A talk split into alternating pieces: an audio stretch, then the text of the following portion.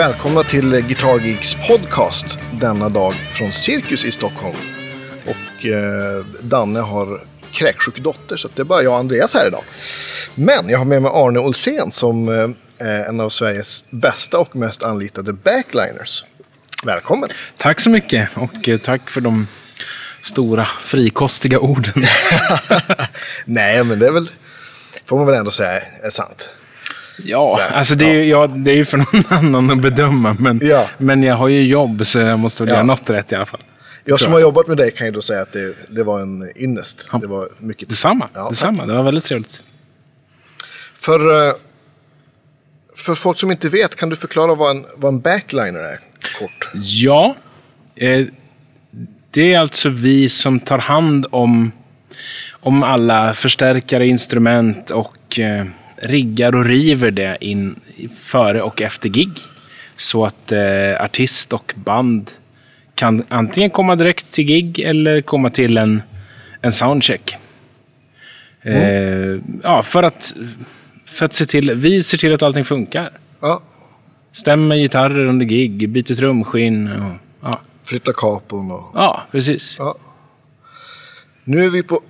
ursäkta, nu är vi på Cirkus här och du har kört hela hösten här med, med Ledin och hans eh, jättestora band är det ju, får man väl säga. Eller Ja. typ dubbelt så stort som vanligt. Ja, I alla fall här. Kan du berätta om hur, eh, hur ser liksom en vanlig, vanlig dag ut på jobbet här? här är det ju... Vi är ju två som, som har hand om backline-delen. Det, är- det är väl så att jag har någon sorts huvudansvar och sen har jag Jessica Brown som, som är en resurs åt både mig och Johan Rinsta som är monitortekniker. Ja, Så Jessica är våran... Hon är limmet mellan oss, så att säga. Hon hjälper oss båda. så det kan vara allt från att en lur som glappar till att Ja. du inte hinner byta batteri Ja, precis. i en gitarr. Eller Hon något. gör eh, några helt hysteriskt grymma passningar i, under showen. Så att utan henne hade det inte gått. Men, men jag har väl någon sorts ansvar för backline-avdelningen då. Och eh, en vanlig dag för mig är ju egentligen byta en massa batterier, byta en hel del strängar, eh, testa, göra en line-check. Vi gör en line-check varje dag innan och testa så allting funkar. Och sen eh, så under gig så är det en otrolig massa gitarrstämmande och springande in och ut och byta gitarrer. Främst åt Thomas. Ja. Så ja. Och det är inte, soundcheck gör ni en gång i veckan då? Eller? Nej, vi gör, alltså, vi gör ju bara en line check. Ja, Så eh, det skulle nog vara någonting väldigt extra för att vi skulle komma in och göra en, en riktig soundcheck. Att vi skulle ta in eh, bandet. ja. Det är om, Utan- det, ska, om det är en ny låt eller något Ja, som precis. ska ändras. Liksom. Och här är ju formatet ganska färdigt. Så, att, Ja. så det vi gör är egentligen testar alla instrument, eh, alla förstärkare, att, att de ligger på samma nivåer, inga brus har dykt upp eller kablar har börjat glappa eller något. Så att, bara kolla så, så riggen är, är som den ska. Sen kör vi. Ja. För det är ju också en, en, eh, en... Jag har varit och sett showen och det är ju en väldigt avancerat rent tekniskt. Inte, inte bara det du gör utan runt om med, med det är pelare som lyfts upp och det åker trumset fram och tillbaka. Så Ja. Det är, det måste ju liksom öka på felparametern på något vis. Här, ja. På något vis. Dels eh, ökar det ju, ju fler saker man har och desto mindre gamla hedliga teaterlösningar med, med block och talja och mankraft som man har, desto, desto mer saker kan ju haverera. Såklart. Ja. Men det ställer ju också till det eftersom rörliga väggar innebär ju ett, ett problem om man har dragit en gitarrkabel framför dem och den plötsligt Såklart. börjar röra på sig. Eh, Eller ett trumset som ska åka någonstans där man hade tänkt att man kunde ställa ett gitarrstativ med en gitarr inför nästa låt. Så, så det har ju... Det kan ju ställa till det, men det är också en sak som vi är... Flera av oss var ju med och gjorde den förra showen med Thomas Ledin. Just det. Där hade vi också, även om det var annorlunda, så var det också mycket rörliga saker och, och passager som blockerade. Så att vi har ju tillbringat väldigt mycket tid under repetitionerna med att, att eh, lista ut hur flödet ska, ska vara för att det ska fungera.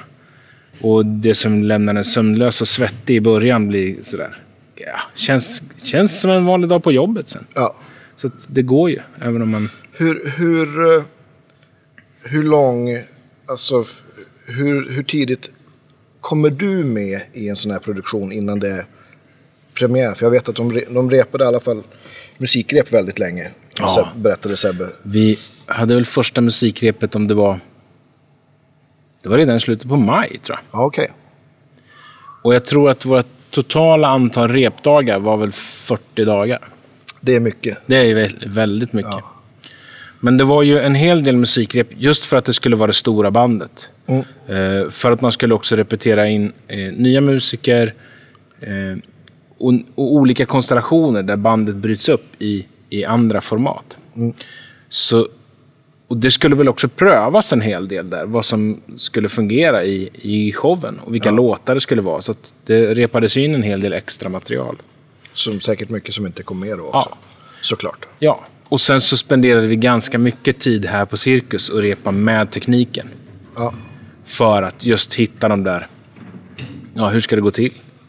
Var ska jag bo med mina saker? Ja. Och ja, nu, nu Och funkar det ju lagom tills vi ska, tills vi ska riva och flytta till Göteborg. Ja, jag såg en av, eh, eller om det var kanske första publikinrepet tror jag. Och då var det ju inga, och då kom ju Edward som eh, är regissör tror jag, jag vet inte om Ja. han skriver manus också. Kom han ut och sa liksom, ja men bara så ni vet, det här är publikinrep och vi kan bryta om det är någonting som... Har, har ni haft något sådana, att, det, att ni har fått liksom, att det har havererat? Så att ni har fått stanna eller har ni kunnat köra på? Nej, vi har väl inte riktigt. Vi har haft några incidenter, men ingenting som egentligen har... Alltså det som har sinkat oss mest, det har ju varit när publiken har lyckats ramla och bryta benen. Aha, Dessutom de hade vi ja. två på en dag. Oj! En på matinén och en på kvällsföreställningen. Så det var en, en plötsligt väldigt lång dag. Vi tar en paus för benbrott. Ja, precis. Och ambulansen prioriterar inte det en lördag. Så att det tog det ett tag innan, innan det gick att åtgärda. Nej, men annars har det funkat väldigt bra. Vi har ju eh, haft någon borttappad mikrofon ute Mm. i publik och vi har haft... Eh, ja, men lite där teknik kanske inte har fungerat tillfredsställande för oss, men jag tror inte att publiken har varit lidande av det. Nej, Så att vi... Det är ett fantastiskt team. Folk eh, kan trolla med, med både knän och eh, armbågar. Mm. Så det, Är ni många som har jobbat med Ledin förut som är med? det är... Ja, hur många är vi? På tekniken så är det ju eh, Johan Rinstad då, som är monitortekniker. Och sen är det Mattias Gustafsson junior som kör front of house. Utljud då. Och så är det jag. Eh, och Robert Wenström som är ljusoperatör har också varit med förut. Eh, men sen så är det nog nya förmågor tror jag. Men de har ju... Ljusoperatör, det är mer här bakom scenen så att säga. Och, Nej, han kör tekniskt. det. Han, kör det. okej. Precis, men han har inte gjort designen. Nej, Det är Palle Palmé som har gjort. Men alla, alla är ju... De, alla kommer ju från en bakgrund av, av att ha jobbat med, kanske inte just sådana här produktioner, men på sådana här scener och Ja. i liknande sammanhang. Ja. Eh, Jenny My som, kör, som ser till att all teknik funkar, hon har ju jobbat här på Cirkus en hel del med, med gigantiska här, eh, uppsättningar. Som ja, men Fantomen. ja just det, precis. Och de var ju så här 120 personer inblandade i Åh, den herregud. produktionen. Så, att, så det är proffs. Bara Ja. proffs. Vad är ni eh, med om man räknar musikanter och tekniker? De är ju nio i bandet. Och så är det Thomas. Och sen är vi en, två, tre, fyra, fem, sex, sju, åtta, tio. Är vi tolv tror jag. Mm. Utöver. Det är en- ett bra gäng. Det är ett bra gäng. Ja. Vi fyller ju en, en, en bra buss. Ja. Det är lagom, lagom för att ha fest. Utan man känner att man har pratat klart med någon. Så. ja, det är bra. Nej, men det är jättetrevligt. Det har funkat otroligt bra. Ja. Det blir väldigt sådär familj av allting. Ja. Man täcker för varandra. Ja. folk utvecklar ett bra, bra öga för vart det är på väg. Om det är någonting som man måste tänka på. ja, just det. Och är otroligt snabba på att agera. Mm. Så att det... Men du, hur länge har du jobbat med, med Thomas och hans band? Men Thomas är det sen förra, hans förra show, då, 2011. Ja, just det. Då hade jag gjort lite andra produktioner med några av dem som var inblandade. Så Mm. att de eh, tipsade om att jag kunde Just det. hoppa in och göra det där. För att de hade väl ingen riktig backline-tekniker i Göteborg då. För den började på Rondo och flyttade. Mm. hit sen. Nu gör vi tvärtom. Så då eh, åkte jag ner dit och körde. Mm. Det var fantastiskt kul. Där gjorde vi 120 föreställningar innan vi flyttade häråt. Oh shit. Så det, det började ju liksom... Ja. Hur många, ni har, har idag och så två imorgon kvar på den här. Hur många, hur många blir det här i höst då? Eh, ja, vad är det? Det måste vara 50-60 någonstans. Ja. Jag har inte riktigt koll längre känner jag. Det har plockat på med några extra matinéer och sånt. Ja. Men, men eh, ja, någonstans 50, närmare 60 tror jag. ja, det är mycket. Ja. Och sen blir det hela våren. Ja. Från när i Göteborg? Vi har premiär igen den 18 januari. Ja. Så, Så fram till maj, eller? ja, till, jag tror de släpper biljetter till sista april nu. Ja, Så man vet vad man ska göra på helgerna. ja verkligen. Det är ingen som ringer och vill bjuda en på fest längre. Det var länge sedan. ja, det var länge sedan. Men om man tänker sig, vad, vad, om du... Din bakgrund så här, hur, hur, kom, hur kom det sig att det här blev ditt, ditt yrke? Ja, det är ju faktiskt inte en helt spikrak väg faktiskt. Jag är ju i grunden... Jag gick ju musik eh, specialprogram på gymnasiet Ja. och skulle bli rockstjärnegitarrist. Ja, Eh, efter att ha övervägt att bli fotograf. Då. Jag var ganska ombytlig då. Sen efter det så gick jag musikteaterlinje på Kävesta folkhögskola. okej. Eh, och min mamma höll på ganska mycket med teater. Så jag var ju lite sådär redan inne i och kika på den amatörteatersidan. Just det. Eh, sen ringde en bekant till mig och undrade om inte jag kunde jobba extra. Komma in på Peter Flax revy i Örebro. Och då var det ju scenteknik, alltså köra Ja. följespott och jobba i foajén. Och så började jag där och sen blev jag väl mer involverad i att, att liksom laga, underhålla och bygga saker. Där. Ja. Alltså teater. Teater, precis. Allt från rekvisita till... eh, Ja, Ja. till att måla om scenen och ja. sådär. Köra följespott. Eh, men sen så gjorde vi en produktion med Marie Kühler då, som, som var med i de här flackrevyerna. Eh, en monolog som hon satte upp som ett cellofan. Och då var Katrin Sundberg regissör för den. Och eh, Katrin eh, är ju, som jag, också örebroare då. Så vi, ja, vi lärde känna varandra där och kom ganska bra överens. Så, så gick det ett tag, sen så ringde Katrin och sa jag håller på med en produktion nu, det är helt hopplöst. De, det funkar inte, du måste komma hit och styra upp det. det. Eller ja, hon började med att säga så här, du är väl singel, eller hur? Det var så mycket jobb alltså. Och då sa jag, vad, vad menar du? Nej, det var inte riktigt så. Utan hon var, ja, vad menar du? Ja, men det, det är show vi håller på med här. Du måste komma och fixa, det är inget som funkar. Och det är bara tjejer i publiken. Okej. Så det var väl därför jag skulle vara singel, tror jag. Jag vet inte. Hon eh, limmade ihop det där på något vis i alla fall. Och jag sa, när är det där då? Ja, det är på tisdag. Och det här var väl kanske på söndagen och ringde eller något. Och det var första Ladies Night-svängen. Jaha, okej. Så då åkte jag iväg och i den, då hade jag hand om eh, scenografigrejer och rekvisita. Ja.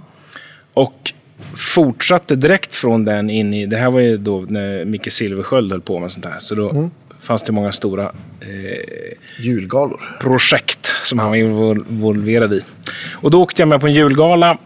Och eh, under tiden så hade de väl förstått, de som jag jobbade med då på, på Ladies Night, att jag även höll på en del med instrument. Så då, Ja. julgalan där gjorde jag lite backline eh, och, och en del av scenarbetet. Då. Ja. Och sen därifrån så fortsatte det. Så har folk ringt och frågat om saker. Jag har varit eh, otroligt lyckligt lottad som inte har ens behövt liksom, jaga något. Nej. Eh, ja, det är grymt. det är verkligen. Det är också ett eh, väldigt bra betyg på din kompetens också. Ja, och kanske på mina social skills också. Ja, men- För det, det är också en, en väldigt stor del av den kompetens som, som krävs. Man måste ju funka ihop med folk. ja, ja, visst. För det är ju... Det kan ju vara både väldigt nära och väldigt stressigt bitvis. Att, Ja, ja, visst. Men så att det, det var liksom... En, en liten sådär kringelkrokväg där tills... Ja, tills jag upptäckte det efter några år. Jag trodde egentligen att jag höll på med smide under hela den här tiden. Ja. För det, är ju, det var ju också ett av mina gebit, att hålla på och bygga. Men är, du, är du utbildad inom det också? Ja, jag har gått en metallkonsthantverksutbildning Ja. på två år med mycket silversmide och Ja. sådär. Och jag har ju eh, byggt en massa riddarrustningar Ja. och eh, livnärde mig på det ett tag. Ja. Och sen så började... Rustningsmakare. Ja, precis. Eh, jättebra att ha det som firmanamn, för alla kommer ihåg en. Ja, nej, det kommer jag aldrig glömma. Så det, det är bra. Ja, men, jag trodde ju länge att, att det var det jag höll på med. Allt, allt annat var ett sidoprojekt. Tills jag Ja. upptäckte att jag fick dåligt samvete, för jag hann ju inte med någon rustningssmide. Nej. För jag var ju fullt upptagen med att jobba mer än heltid med Ja. allt det andra. Och då fick jag väl acceptera att jag är nog backline-tekniker. Och det är ju roligt. Jag har ju skruvat sönder gitarrer sedan jag var liten. Så att, Ja. Har du, spelar du någonting själv fortfarande så här, eller? nej. Så här Nej. husbehovs kanske bara? Ja, jag kan sätta mig i, i, i trappen hemma och spela lite gitarr. Eller... Ja. Det hänger några gitarrer på väggen och jag har alldeles för många gitarrer ligger i verkstaden i olika stadier av, av eh, ihop eller isärmontering. Så att, Men, men det måste väl ändå vara någon så här grundförutsättning för att man ska ja, men, ens kunna göra det här jobbet. Att man kan en himla massa om, om, ja, men om, om gitarrer och jag tänker så, du vet, så här, akustiska mixsystem och fantommatningar. Och, för jag kan tänka mig att mycket av ditt jobb säkert kanske då någonting, någonting sätts upp eller i början på en turné så är det liksom så här, problemlösning. Hur, hur fixar vi det här och vad blir smidigt och det ska kunna transporteras lätt. Och, ja, så är det. Eh, men jag tror inte att... Allt det där är ju ingenting man behöver ha med sig i, Nej. när man börjar. För att oftast så... Det viktigaste är ju inte för mig att justera en, en gitarr som jag tycker att den ska vara. Nej. Utan det är att förstå hur någon annan vill ha det. Och det är lite samma sak med de där tekniklösningarna. Det är inte alltid... Det är inte alltid det finns utrymme eller är, är så smart att göra den där första tanken man har själv kanske. Utan, eh, och ibland så är det, är det ju verkligen så att man har en bra idé och det, det blir så man får genomföra det. Men det är så olika beroende på vad det är för resurser och vem man jobbar med. ja. Hur man vill att det ska lösas. Som Ibland kanske det är så att, som nu i vår produktion hade det varit otroligt smidigt om alla våra akustiska gitarrer som Thomas använder hade varit trådlösa. Just på grund av rörliga väggar och saker. Eh, nu är det inte så, för han har ju ett pendulumsystem som, som inte går att göra trådlöst. Nej. Och då får man ju förhålla sig till det, även om det hade varit smidigare att säga Thomas, kan inte du spela på en annan gitarr? Men det vore ju också... Men han vill spela på den. Han vill spela på den och det är hans show. Ja, det vore väl konstigt om det var så här... Om jag skulle komma in och, och styra i det. Då. Här Thomas, ta den Här, här ta- Ovation-gitarren. Precis, precis. Vad är det för gitarr han har? Eh, de, han spelar på två stycken eh, Bolin-gitarrer. En Ja. som han själv beställde och om inte jag minns fel fick provspela då för eh, Bolin själv för att få den byggd. Stenhårt. Det var lite sådär. Det gick Ja. på audition. Ja, Okej, det är bra. Jag kan bygga en gitarr åt dig. Vad ska den heta? Och Det gillar man- Ja. Ja. Så den står här och jag har för mig den fyller år i november. Så den Ja. har nyss fyllt eh, 47. Har den Ja. fyllt. Sen har den en annan som han köpte ganska nyligen från 65. Också väldigt trevlig nylonsträngad. Och sen är det ju eh, en OM42 Martin ja. som man också kör via det här pendulumsystemet. Mm. Och det är ju, eh, för att grotta lite i det, det är ju ett system som bygger på passiva mickar i gitarren. Ingen, ingen preamp, utan den, det sitter en första liten preamp som en, en driver på något vis, i, som man jackar in i, som sitter i telepluggen, som Precis. en liten box. Och därifrån går det en, eh, en kabel till då, en, en rackenhet med en tvåkanalig liten preamp. Så man kan ha två mickar i gitarren. En, antingen en piezo i stallet och en liknande i lådan. Eller en, eh, även en konding Ja. kan man ha i, i lådan. Vad, vad har han för? Det här är piezo. Två olika pjäser? Två olika, ja, en, en stall, Sitter en de på låda. olika ställen? Ah, Okej, Ja. spännande. Och jag har för mig att det till och med så att det sitter två stycken eh, piezoelement i lådan. Okej. För att eh, ja, men sprida, för att få en, en, jämn, Ja. en bättre balans i, i lådljudet. Ja. Jag, jag har ingen nylon. Jag har, jag har också sånt pendulum. Ja. Men jag kör kontakt, eh, alltså K&K och Ja. piezo. Och jag har också en sån klump för som man kan ha till om man vill ha, köra en mick också. Men, Just det. vet du vad han använder för piezomickar? Nej, det Nej. vet jag inte. Jag har inte riktigt grottat i det. Det fanns, det fanns ju systemet när jag Ja. började. Ja. Och jag eh, har inte ifrågasatt eller, Nej. eller grottat i det så. Och anledningen till att det inte går att ha det eh, trådlöst är för att den här lilla modulen som man pluggar in i behöver fantommatning va? Ja, och det är inte ens fantommatning, för det hade gjort det mycket enklare. Okej. Men den måste ha matning. Men den, det, det går inte att bara köra den på en, en, en fantom. För det vet Okej. jag, det har jag eh, pratat, jag pratade med, med eh, Lasse Hallapi om det. Mm. För vi, vi har precis, jag har precis köpt ett till system av honom. Som vi ska ha som ett reservsystem här. Mm. Och då har han bytt till ett som faktiskt går att fantommata. För att det blir lite enklare att förhålla sig till. Det är, det är enklare att jobba ihop med, med olika system. Om du har Ja. någon mick som, är, som du verkligen vill använda som också behöver fantommatning. Just det. Så blir det kompatibelt med det, med det här systemet. Då. Är det en annan volt eller? Det... Det vet jag förmodligen. ja. Det är väl, det är väl mest det som är, är skillnaden. Han hittade på något eget, han som byggde det där helt enkelt. Ja, precis. Och han verkar vara en liten speciell filur. Väldigt begåvad, men också lite ja, special. Ja. Så. Och nu tror jag att han har slutat bygga de där. Ja. SPS1 heter de va? Ja. Preampsen. Man kan hitta några, ibland hittar man en del på Ebay. Ja. Låter, låter väldigt bra, men eh, kan vara lite mäckigt just sådär turnémässigt. För att eh, ibland så vore det smidigare om det bara gick att hysta in en gitarr. Liksom. Trycka Ja. på en mute-pedal. Och det är svårt att rycka den där om man inte mutar den. För att det blir ju ett, eftersom man rycker spänning och signal samtidigt så blir det en del sköna överslag där i, Ja. i PA. Jag kan tänka mig att det har hänt. Det händer ibland när man trampar ur den av misstag Ja, till just det. exempel. Ja. Det, men det är, det är en, fantastiskt roligt att det där systemet finns med. För att just när det gäller hans... När Thomas spelar eh, nylonsträngar. Som ju är hans eh, grej. Det var ju så han började. Eh, han spelar ju väldigt mycket... Eh, inte bara traditionellt fingerspel, utan det är mycket att, att jobba med gitarren som rytminstrument och låda. Det finns ju ett parti med i showen där det, där det är med. Och det låter ju fantastiskt bra då. ja, det är lätt. Det var överlag fantastiskt ljud. Det jag såg Ja. Vem har gjort ljuddesignen? Är det? Det är Hasse Larsson.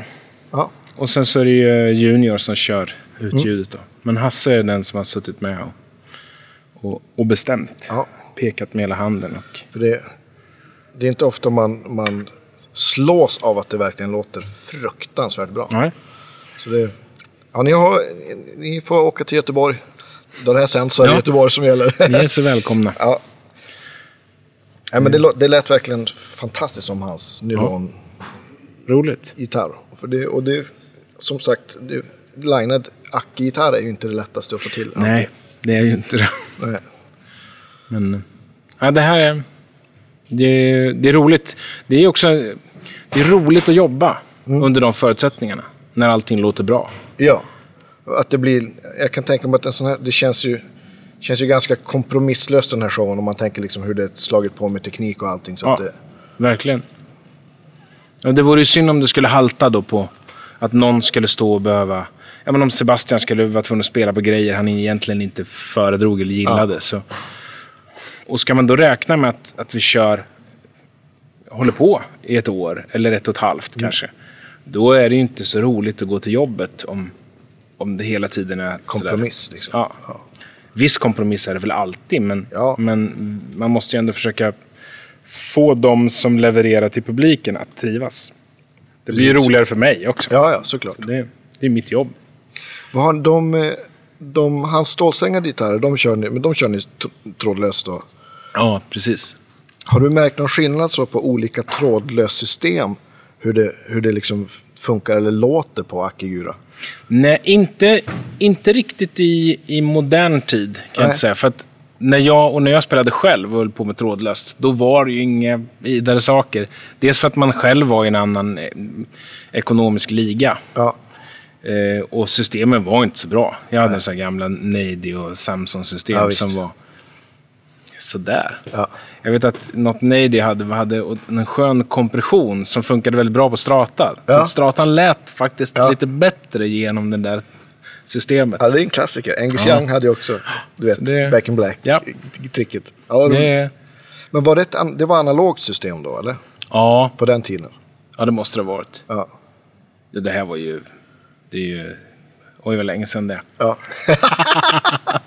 Men jag tänker på stålsträngade gitarrer är ju mycket mer fullfrekventa. Ja. Liksom, så, att, så att jag kan tänka mig att, för på elgitarr kan jag känna att det får man, ja, där blir det känsligare. Mm. Än, än Acke, har jag upplevt i alla Ja. fall. Absolut. Ja, men det som jag tror är... Jag har ju som sagt... Det har nästan alltid varit de här systemen som vi har, har jobbat med oavsett vilket, vilken teknikleverantör som, som eh, jag har jobbat med. Så det känns som att det finns en branschstandard som, är, som man får foga sig efter. Ja. Och vilket system är det då som Eh, kör? jag ska titta på, vi ska byta den. Jag ska hämta ska vi se vad det var för något. Ja. Det är ju ett Shure-system. De heter eh, UR4D, heter den här. Ja. Eh, själva mottagaren. Och Sen finns det väl lite olika former av sändare. Men Mm. Q5 heter de vi jobbar med nu då. Men nu ska vi byta för nu är det ju frekvensförbud och förändringar på gång. Så, Igen. ja, det är något, så vi får något nytt efter årsskiftet. Det har jag varit med om i Tyskland, att de kommer ut från myndigheter och ska kolla du vet, och Ja. serienummer och... Ja, det vet jag också. Jag har En kompis som var ute på några, gjorde några Millencolin-spelningar, jag tror det var i somras. När de var i Schweiz. Där, då kom det ut från motsvarande då, någon sorts radiokontrollmyndighet. Ja. och eh, kollade att alla papper var i ordning och sådär. Så att, eh, ja, det är hardcore. ja, verkligen. Ja. Och jag kan ju förstå det om man... Eh, alltså beroende på var man är och, Ja. och vilka frekvenser man är och inkräktar på. Ja, men det vore ju tråkigt om man släcker ut ambulansen och så kommer Ja. ett trombonsolo istället. Precis, men oftast är väl problemet åt andra hållet. Att man själv plockar upp då Ja. eh, tysk dubbad eh, tv-reklam. Ja. Så att... Eh, ja, nej, men det är väl bra att det finns någon som har kontroll. Mm. Tycker jag ändå. Eh, Jag tänker också med, med de här gitarrerna, vi ska filma lite också tänkte jag. Ja, Eh, För, för det blir ju, jag tänker med alla de här akustiska gitarrerna och de här trolleysystemen så måste det bli du måste slå av och på, det måste switchas och det ska mutas och stämmas och det måste Mm. vara ganska mycket att hålla reda på så. ja, ja. Eller det är ju van, det är ju ja. ditt jobb. Så att, Precis. För en annan skulle det- skulle det bli inte lite- fråga mig som gör det hela tiden. Nej. Nej, men jag har ju ganska bra... har du något system som du Ja. jobbar efter? Eh, just nu har jag två olika lösningar som jag använder. Till, om man tittar på Thomas elgitarr till exempel. Ja. Sebastian kör ju med kabel. Ja. Så han behöver man inte bry sig om på det sättet. Nej. Han, han mutar ju när han byter själv då. Men till Thomas så har jag ju... Han spelar ju genom en, en uh, Vibro King-förstärkare. Och en liten Double Trouble-pedal. Tube Screamer, typ. Ja. Ja. Eh, och sen så, så har jag en Kemper som ett spärrsystem Ja. till honom. Och då har jag en split till dem och innan det så har jag då ett, en liten switch där jag bara kan skicka in upp till sex olika då, gitarrsignaler. Och sen väljer jag Ah, bara okej. vilken av dem som, som, Som är du slår aktiv. av och på. Precis, så att trycker jag på ettan så, så stänger den av de andra. Då är det bara ettan. Så man växlar bara mellan. Den har ingen så PFL. Man kan inte eh, lyssna eller få ut eller plocka till en, en stämmare eller något. Men, men det har ju de här Shure-mottagarna har i alla fall uttag. Så att jag kan ju jacka in ett par hörlurar direkt i, i, i mottagaren. Ja, och ofta lyssna att där. kolla att det... Men om, om han spelar på en gitarr och du ska stämma en, en annan. Ja. Då rycker jag bara. Det sitter ju en sändare på varje. Så att, Ja, ja då rycker du ut Ja, då rycker jag bara ja, den och, och jackar i en stämapparat. Så att, eh, Och i, man skulle kunna göra så att om man placerade stämapparaten bredvid den, de trådlösa, då skulle man egentligen kunna jacka in stämapparaten i hörlursjacket och stämma där. Men jag gillar att ha, alltså man vänjer sig vid vissa sätt att göra saker. Mm. Så att eh, då, jag kör, nu har jag en liten så här, en Peterson Stroboflip som jag alltid Ja, använder. Eh, Jag har, sagt, jag har så mycket stämapparater, men jag kommer alltid tillbaks till den på något Mm. sätt. För man är van vid hur den, hur den pitchar och, och var, vad det är som låter okej. Ja. Och man vän, jag har ju också vant mig vid vad som funkar på olika personers stämning. Ja, ja Eller klart. inbillar jag mig i alla fall, Ja. för de är ju nöjda. Så att, eh, Ja, men för det där, är- om du pratar förutom att det är stressigt och intimt, för det, det kan...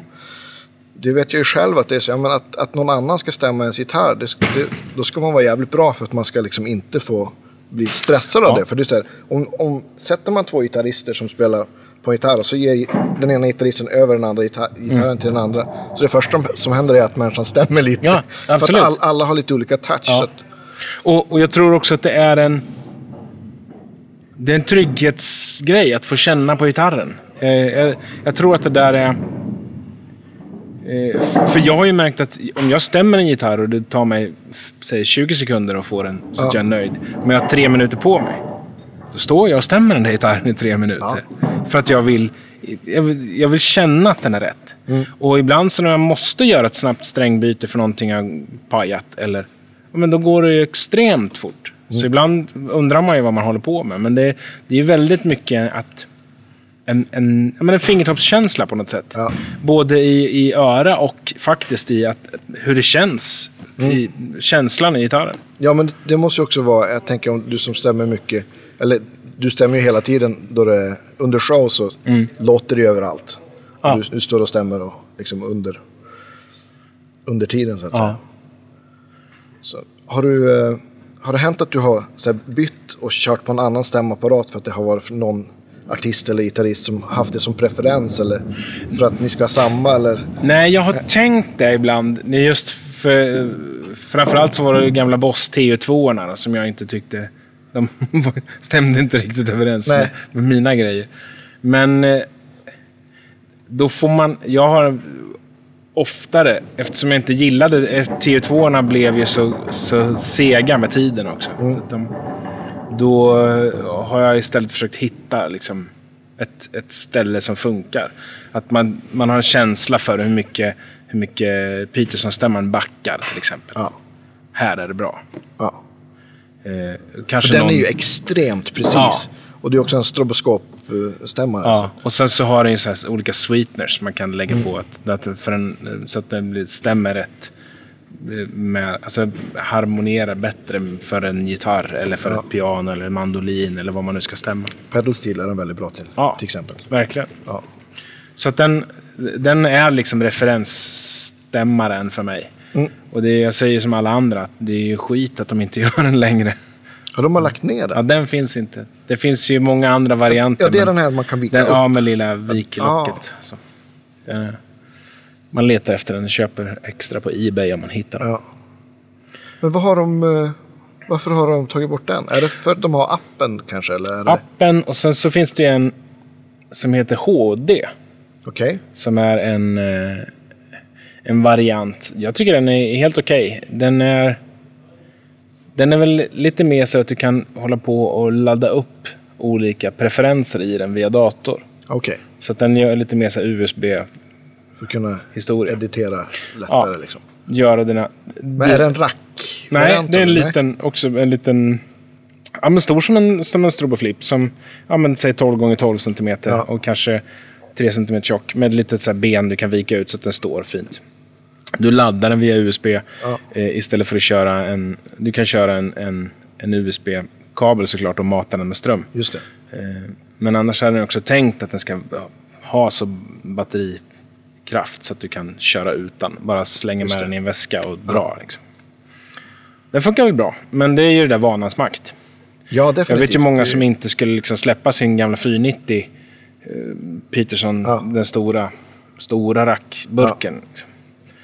För att det, även om den börjar bli så trött så man knappt ser vad den visar så, så är det, det man van. man är trygg i det. Ja, men precis. Ja, men Jag spelar ju otroligt... Jag står och stämmer och sen så lys- måste jag alltid lyssna på gitarren. Ja, Pressa ut med i nerpluggen och pressa örat mot Ja. och lyssna i träet. För att det, och det, det har jag utvecklat. Det är min defekt. ja, Jag känner mig otroligt obekväm om jag inte kan göra det. ja, om du inte hinner lyssna. Liksom. Och jag är ju nojig. Inte så att jag får så här, hjärtklappning, men, men varje gång jag stämmer en gitarr så, så är det ju på, på allvar. Ja, ja, visst. Och det är ju... Jag, och i vissa lägen så är det ju mer än, än annars. Det beror på vad, det, vad, vad som ska göras med gitarren. Det på något sätt så, Ja, så känner man ju att ska någon in och göra ett, ett fingerspel själv och spela, nu är det... Ja, men- fokus på... Ja, men nu är det det här stora instrumentalpartiet. Ja, Det är ju inte roligt om B-strängen är lite hög där. nej. Som kanske inte hade spelat så stor roll i ett drang-drang-sammanhang med, med fyra andra. Nej, precis. Nej, då har det inte... Så att lite sådär på, påslag är det ju hela tiden. Men, Upplever att det är skillnad också mellan... Jag kan tänka mig att nu har du jobbat så mycket med Thomas att du kan liksom hans gitarrer. och Kanske lite... ja. Eh, ja, det kan jag väl. Eh, och skillnad? Ja, det är skillnad. För nu fick vi två nya gitarrer. Jaha. som eh, Thomas använde i början och i eh, vårt folkmusikparti. Just det. Som vi kör trådlöst, då, två Fender-gitarrer. Eh, som vi då så, eh, som ett märkligt sammanträffande även säljer i, eh, i souvenirshoppen. Okej. Jag förstår. Så det finns någon anledning att de är med i föreställningen. Ja. Men de har jag märkt att de är ju inte alls, de beter sig inte som de andra. De får man hålla ner, backa lite. Och, och om det är för att, om det har med, med bandplaceringar eller intonation, jag vet inte riktigt än. Men jag vet hur jag ska förhålla mig till dem beroende på vad det är för capo på dem och Ja. hur de ska vara stämda. Så, att, så nu funkar det. Men i början kändes de otroligt spretiga. Och tänk, capo är ju intressant. Har du något sånt bra capo-trick? Eller hur, hur, hur gör du? Nej, jag, jag slänger på och stämmer. Ja. Det är liksom... Det, det är ju svårt det där med universal, att hitta det där. Mm. Att kunna flytta dem mellan låtar och... Ja, ja, visst ja. Det är Det är jättesvårt. ja, för det, är- det är inte bara det att sträng, stränglängden förändras beroende på hur man flyttar, utan det är även var man hamnar mellan banden sen. Och det är så små saker som... Ibland märks det inte alls. Det går jättebra. Och ibland... Och det är jättestor skillnad mellan gitarrer tycker Ja, jag också. verkligen. Ja, Och mellan band, alltså vad är det för bandstavar och... precis. Och såklart, eh, beroende på halsens profil så kan det också skilja väldigt mycket mellan tredje och femte bandet i, i hur strängtrycket blir. Med ett chubb-capo till exempel som, som är ganska statiskt i, sin, i sitt tryck. Så att, eh, nej, nej jag, jag gillar ju chubb. Ja. Jag tycker de är smidiga. Eh, mest för att de är liksom enkla att handha. Jag har kört lite så här Kaiser-varianter, de stora klämmorna. Liksom, som, som också funkar bra. Det, men, eh, men alla har ju det där. Alla måste ju, det måste ju justeras. Ja. Och en del nöts ner snabbare än andra och blir taggiga och, Ja. och börjar få biljud och sånt. Så att, men du hade ju något bra där som jag gillade. ja, just det. Vad heter det då? Heter det G2 kanske? Ja, det gör det nog. Ja. Om det är Något bra. Planet Waves? Eller? Ja, det kanske det är. Ja, men det gillar jag. Ja, Eh, men det tycker jag inte funkar alls på elgitarr. nej. Där är det liksom Chubb totalvinnare. Ja. Alltid tycker jag. Ja, Men eh, jag har olika också. Jag gillar också, så här, ibland så har jag klämkapon bara för att det kanske ska bytas tonart ja, i en låt. just det.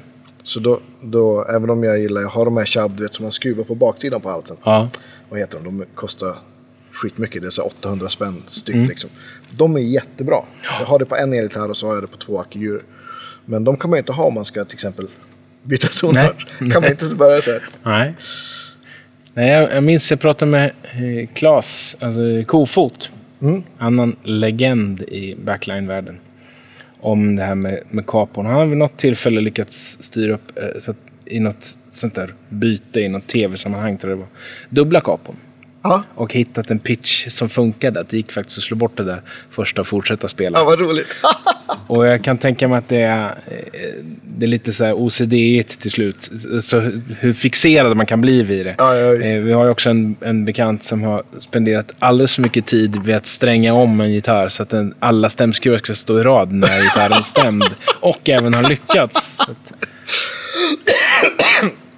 Det kanske säger en del... rakstäm- ja, precis. Det kanske säger att man kanske har för mycket tid. Ja. Eller för lite, för lite annat utanför. Man kanske lägger för mycket tid på sitt jobb. Ja. Inga, inte illa ment, Micke. Jag har ett sånt Dunlop-klämkapo. Ja. Som är lite så här skönt.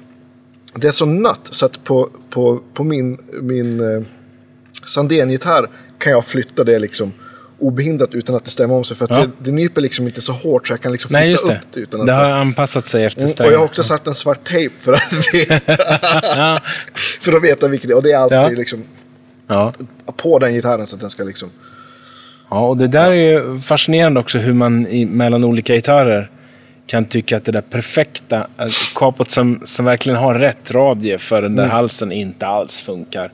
Men något annat universal plötsligt är strålande i sammanhanget. Det, Det gjorde jag. Jag köpte ett capo som visade sig vara för nylonsträngad gitarr och skulle ha på elgitarr. Ja. Det, gick, det gick ju jättedåligt kan jag meddela. brukar gå jättedåligt faktiskt.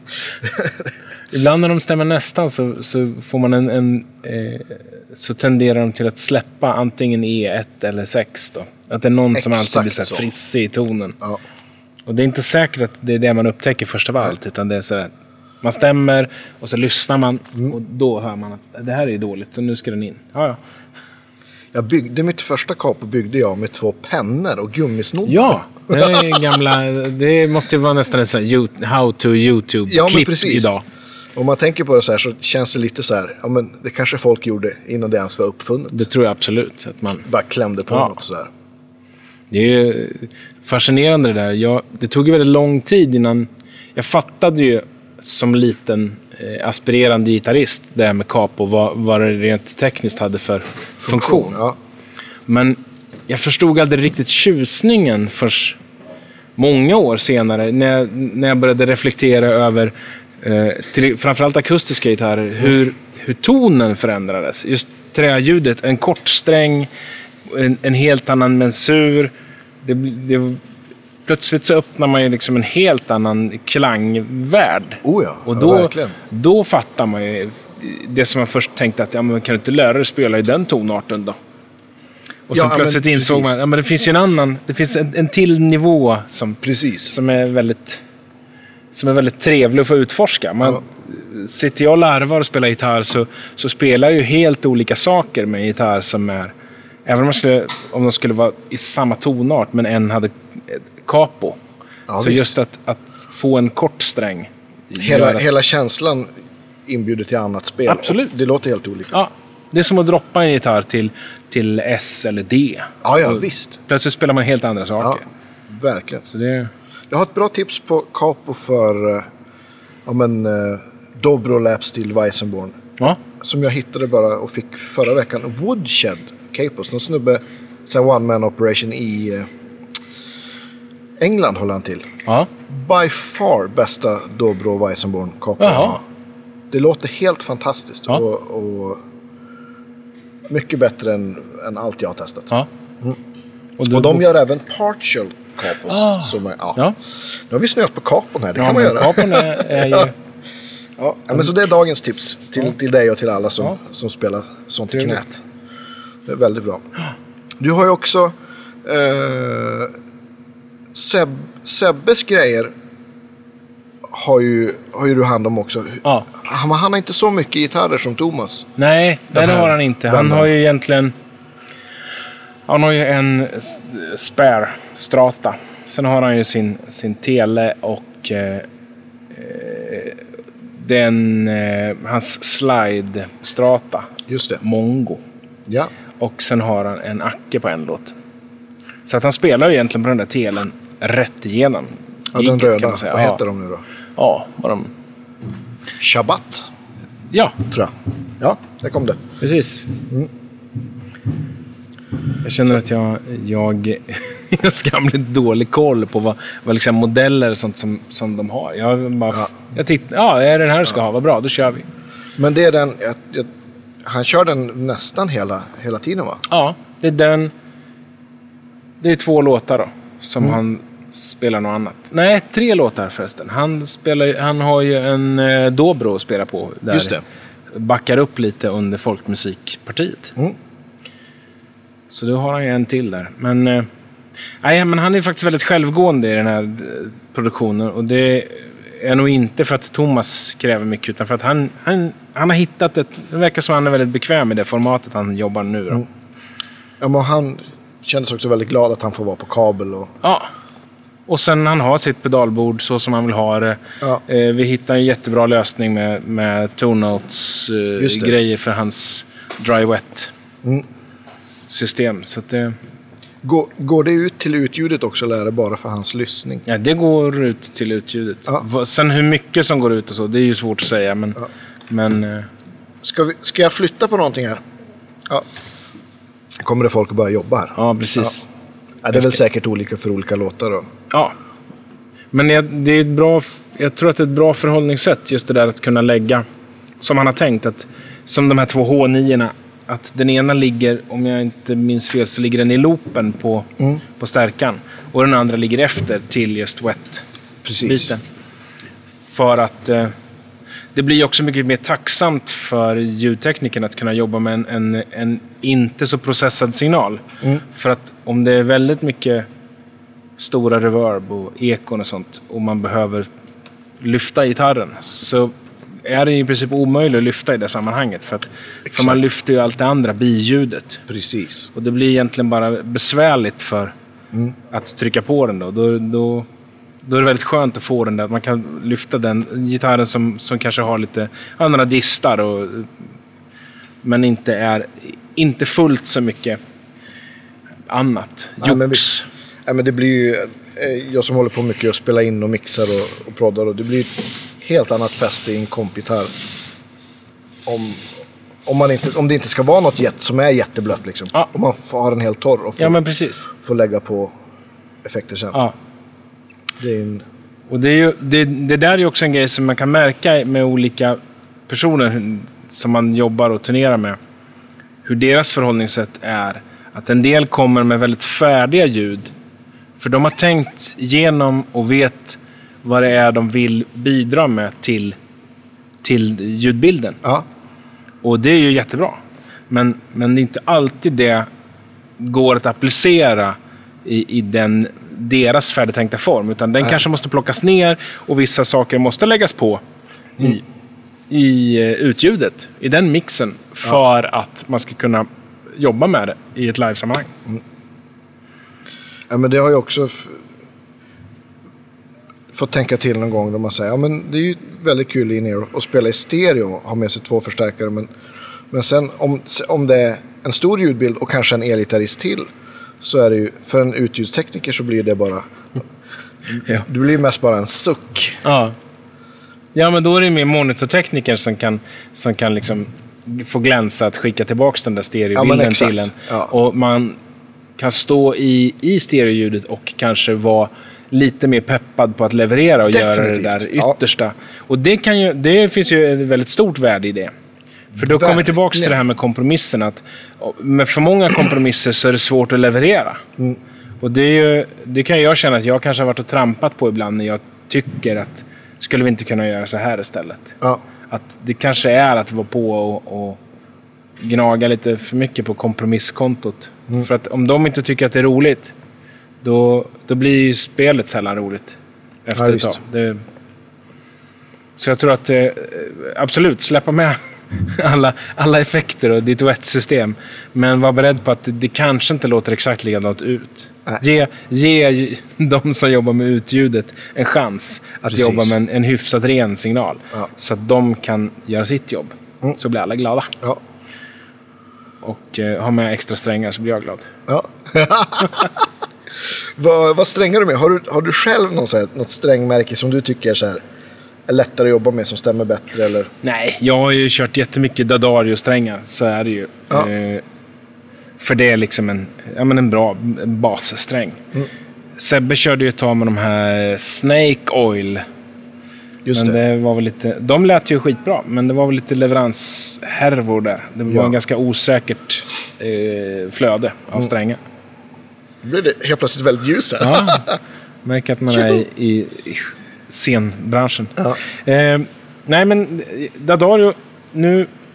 De här NYXL heter de, en ny variant på elgitarr som jag, har också varit fantastiskt bra. Ja. Håller länge. Eh, jag har väl eh, gjort min beskärda del av elixirsträngar också. Mm. Jag vet inte, jag tycker att det, det är framförallt sådär tidig höst, sen sommar. Då är de ju fantastiska om man är ute på utomhusscener. ja, visst. För att de lever ju betydligt längre. Eh, Martin 4100 och 3100 heter de väl, de här Mm. standard Acke. Just det. Också mycket sånt. De, det är, jag, jag tar väl vad jag får. Så. Ja. Eh, Dean Markley och körde, jag- det var länge sedan, ja, men det var nog mer för att det kanske var billigt då. Eller något. Eh, och Ernie Ball. Ja. När jag var liten då var det mycket GHS. Just ja. Kommer du ihåg ett strängmärke som hette SIT? Stay in tune. Ja! Det roliga var att det lärde jag mig sen i vuxen ålder vad SIT stod för. jag tror aldrig jag ens läste på Ja, men så där är det väl med en del saker. Att man, de, de är bara en sak. Ja. Innebörden är, är, är något... Men SCT kom inte... Var inte det samma? GMF hade ju någon sträng som de sålde skitbilligt på sena 80-talet. Ja. Som kostade sådär, ja men, jag vet inte, 29 kronor paketet Ja. eller något. Eh, som jag funderar på om inte det var samma tillverkare. Ja, det kanske det var. Det, finns ju inte så många strängfabriker. Nej. Så att, Och jag för mig att det var någon också, att de här Suzuki i Garphyttan utanför Örebro, Mm. de levererade väl tråden till någon av de där stora. jaha, vad roligt. Ja, så att Ja. svenskt stål som blev amerikanska strängar då förmodligen. Ja. Det, Ja, men de, är, de är NYXL, de, de håller verkligen längre. Det har, Ja. du, hur länge kör, hur länge, hur många gig kör Sebbe på? där byter vi varannat gig. Ja. Och då är det, men då är det standard, för han kör ju 10,5. Just Och det, det. finns inte de där NYXL. Nej, De har ju precis. bara hela steg. Ja. Men eh, det, ja, det kan gå tre gig. Men sen Ja. börjar liksom de långa bändningarna och sånt fresta lite väl på strängarna. Men han är ju inte en sån... Han, det är sällan han spelar av något. Det är samma med Thomas. De, Ja. det är otroligt... De, det är lätt att jobba med dem på det sättet. Ja. Det är sällan det händer något mitt i gig sådär, som man måste in och, och rätta till. Nej, de, eh, Thomas spelar ju väldigt bra gitarr också, Ja, tycker jag. Du, Jag är glad att han har fått så mycket utrymme för att spela akustiskt också. Mm. Spela nylonsträngat och själv. ja, visst. För att jag, vi gjorde ju ett gig på Södra Teatern när han spelade hela sin första platta med, Ja, med det här det. Mm. bandstommen. Liksom.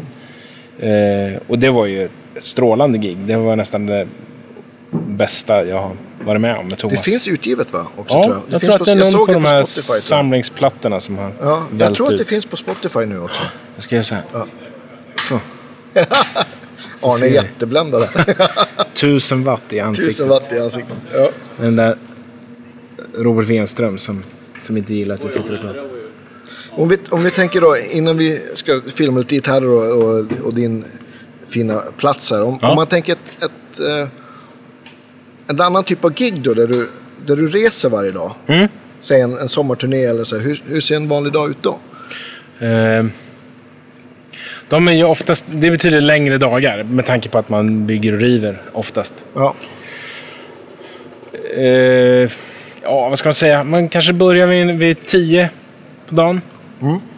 Med att gå in och börja liksom knuffa saker. Jag, jag gör ju liksom det som behövs i backline. Jag är inte specialiserad på, på bara gitarrer till exempel. nej. Utan jag Du kan, kan ju även- stämma en trumma också. Ja, jag jag inbillar mig ju det i alla fall. Ja. Jag brukar ju... Det är ett av mina så här, Jag frågar ju gärna. Dels för att jag vet att alla har olika preferenser. Och man lär sig ju på något sätt göra det hyggligt. Eh, Men, men absolut, jag kan, jag kan få till det så att det kan bli ett gig. Ja. Det, ska jag, det måste jag säga. Men då, ja, då börjar man rulla in grejer och man kanske måste vara med och sätta upp lite podier och sånt för, för att ha något att bygga på. Och så bygger man väl fram till lunch kanske. Får upp alla saker och sen beroende på hur, om det är festival eller vad det nu är. Om man har byggt direkt på scenen eller om man har byggt på podiet bakom någonstans som Ja. det ska rullas in. Så kan ju det påverka när man får göra line check eller soundcheck. Och beroende på vem, vem det är så kan ju det också vara väldigt olika. Om det är någon som vill göra en soundcheck eller om de litar på att vi har ställt in det så att det är som vanligt. Och lite... Ju mer linade saker är, eller saker som bor i is och boxar och sådär, desto mer kan ju vi klara att, att leverera samma sak utan att vi behöver ha folk som kommer in och, och Låter och på dem. Låter på dem. Och, vi ja, och jag aspirerar ju som sagt inte längre på att vara någon sorts rockgitarrist, men jag kan ju åtminstone liksom känna igen dem. Det låter hyggligt likadant. Ja. Så att det... Och jag har ju också ljudtekniker med mig som, som också har som jobb att känna igen ljud. så det, och, men sen så är det ju gigget. Ja, det brukar vara någon middag, sen är det gig. Någon som gång på eftermiddagen, kvällen till tidig natt. Och sen så river man ju efteråt. Allting i omvänd ordning. Det går ju oftast snabbare. Man utvecklar ju någon sorts Rutin. rutin och plan. Och framförallt så ju längre man håller på desto mer fiffiga lösningar kommer man ju på för att det ska gå snabbare att både bygga och riva. För att det ska bli eh, konsekvent. Att det, Ja. att det alltid ska hamna på samma ställe och låta likadant. Mm. Det är lite det som är, är när jobbet är, är, är väl utfört så, är, så står grejerna på exakt samma ställe. Mm. Eh, Samma ja, samma förutsättningar för dem att komma och musicera. Ja. Det är väl det. Är väl det. ja. Jag tror att jag gör det hyfsat. Det gör du, minst sagt. vad säger du, ska vi ta, det börjar röra sig ganska mycket. Ska vi se om vi kan ta, filma lite och se så att folk får Absolut. se hur, din, Det tycker jag. se hur din arbetsplats ser ut Ja. och hur gitarrerna står och vad du byter. Titta på röran. Ja. ja, men verkligen. Olika sändarpack Så och så vi. vidare. Nu börjar vi ju också eh, så smått demontera allting, eller förbereda demontering inför flytten. Ja, just så det. det är väl lite, kanske lite fler case och grejer här men, än en vanlig dag. Men det är Ja. ja. hyfsat representativt ändå för vad Ja. vi håller på med. Och din arbetsstation är sig, är sig lik. Ja, den är precis så stökig som den alltid brukar vara. Perfekt. Ja. får ni växla över till YouTube för Ja. följande sektion. Don't be shy. Tack för nu. Vi är faktiskt tillbaka här. Det är nämligen så att när jag träffade Arne så blev jag så otroligt impad på hans mustasch. så Jag tänkte att någon dag ska jag också tordas ha en sån mustasch. Så ungefär i, i januari det här året, 2017, så tänkte jag, men nu ska jag, nu kör jag. Så, att, så jag har liksom sparat sedan dess. Och, Lo and behold. Ja. Du, har, du har en mycket bra, mycket bra mustasch. ja men tack, ja, men den är på, Ja. den är på god väg. Ja, men förut när vi sågs i någon sorts halv, halvlek på ditt mustaschodlande. Ja, Då hade du lite mer de här vanliga uppåtskruvarna bara. Men nu börjar du få den där raka, fina. mm, precis. Jag är ju svårt fan av, av den, den raka mustaschen som står rakt ut åt Mm, sidan. jag, jag som tycker också det är den tuffaste. morrhår. Ja, Mest, jag ska villigt erkänna att en del av, av mustaschproblematiken för min del är ju att de där rullarna som folk gör, Ja. de blir ju aldrig lika stora. Det blir alltid så att det lutar åt något håll. ja, Det är mycket enklare att bara dra ett rakt streck. ja. Så det... Det är för alla som, som, som ger komplimanger till min mustasch. Nästa fråga är ju, ska du inte göra såna här... Ja. Så, Krullar på ja, den. fa- Faktiskt. Det, det är precis så är det. Men, men samtidigt så tror jag det är inte säkert att de skulle se det på samma sätt heller om du hade kommit med de där krullarna från början. Nej, det tror inte jag heller.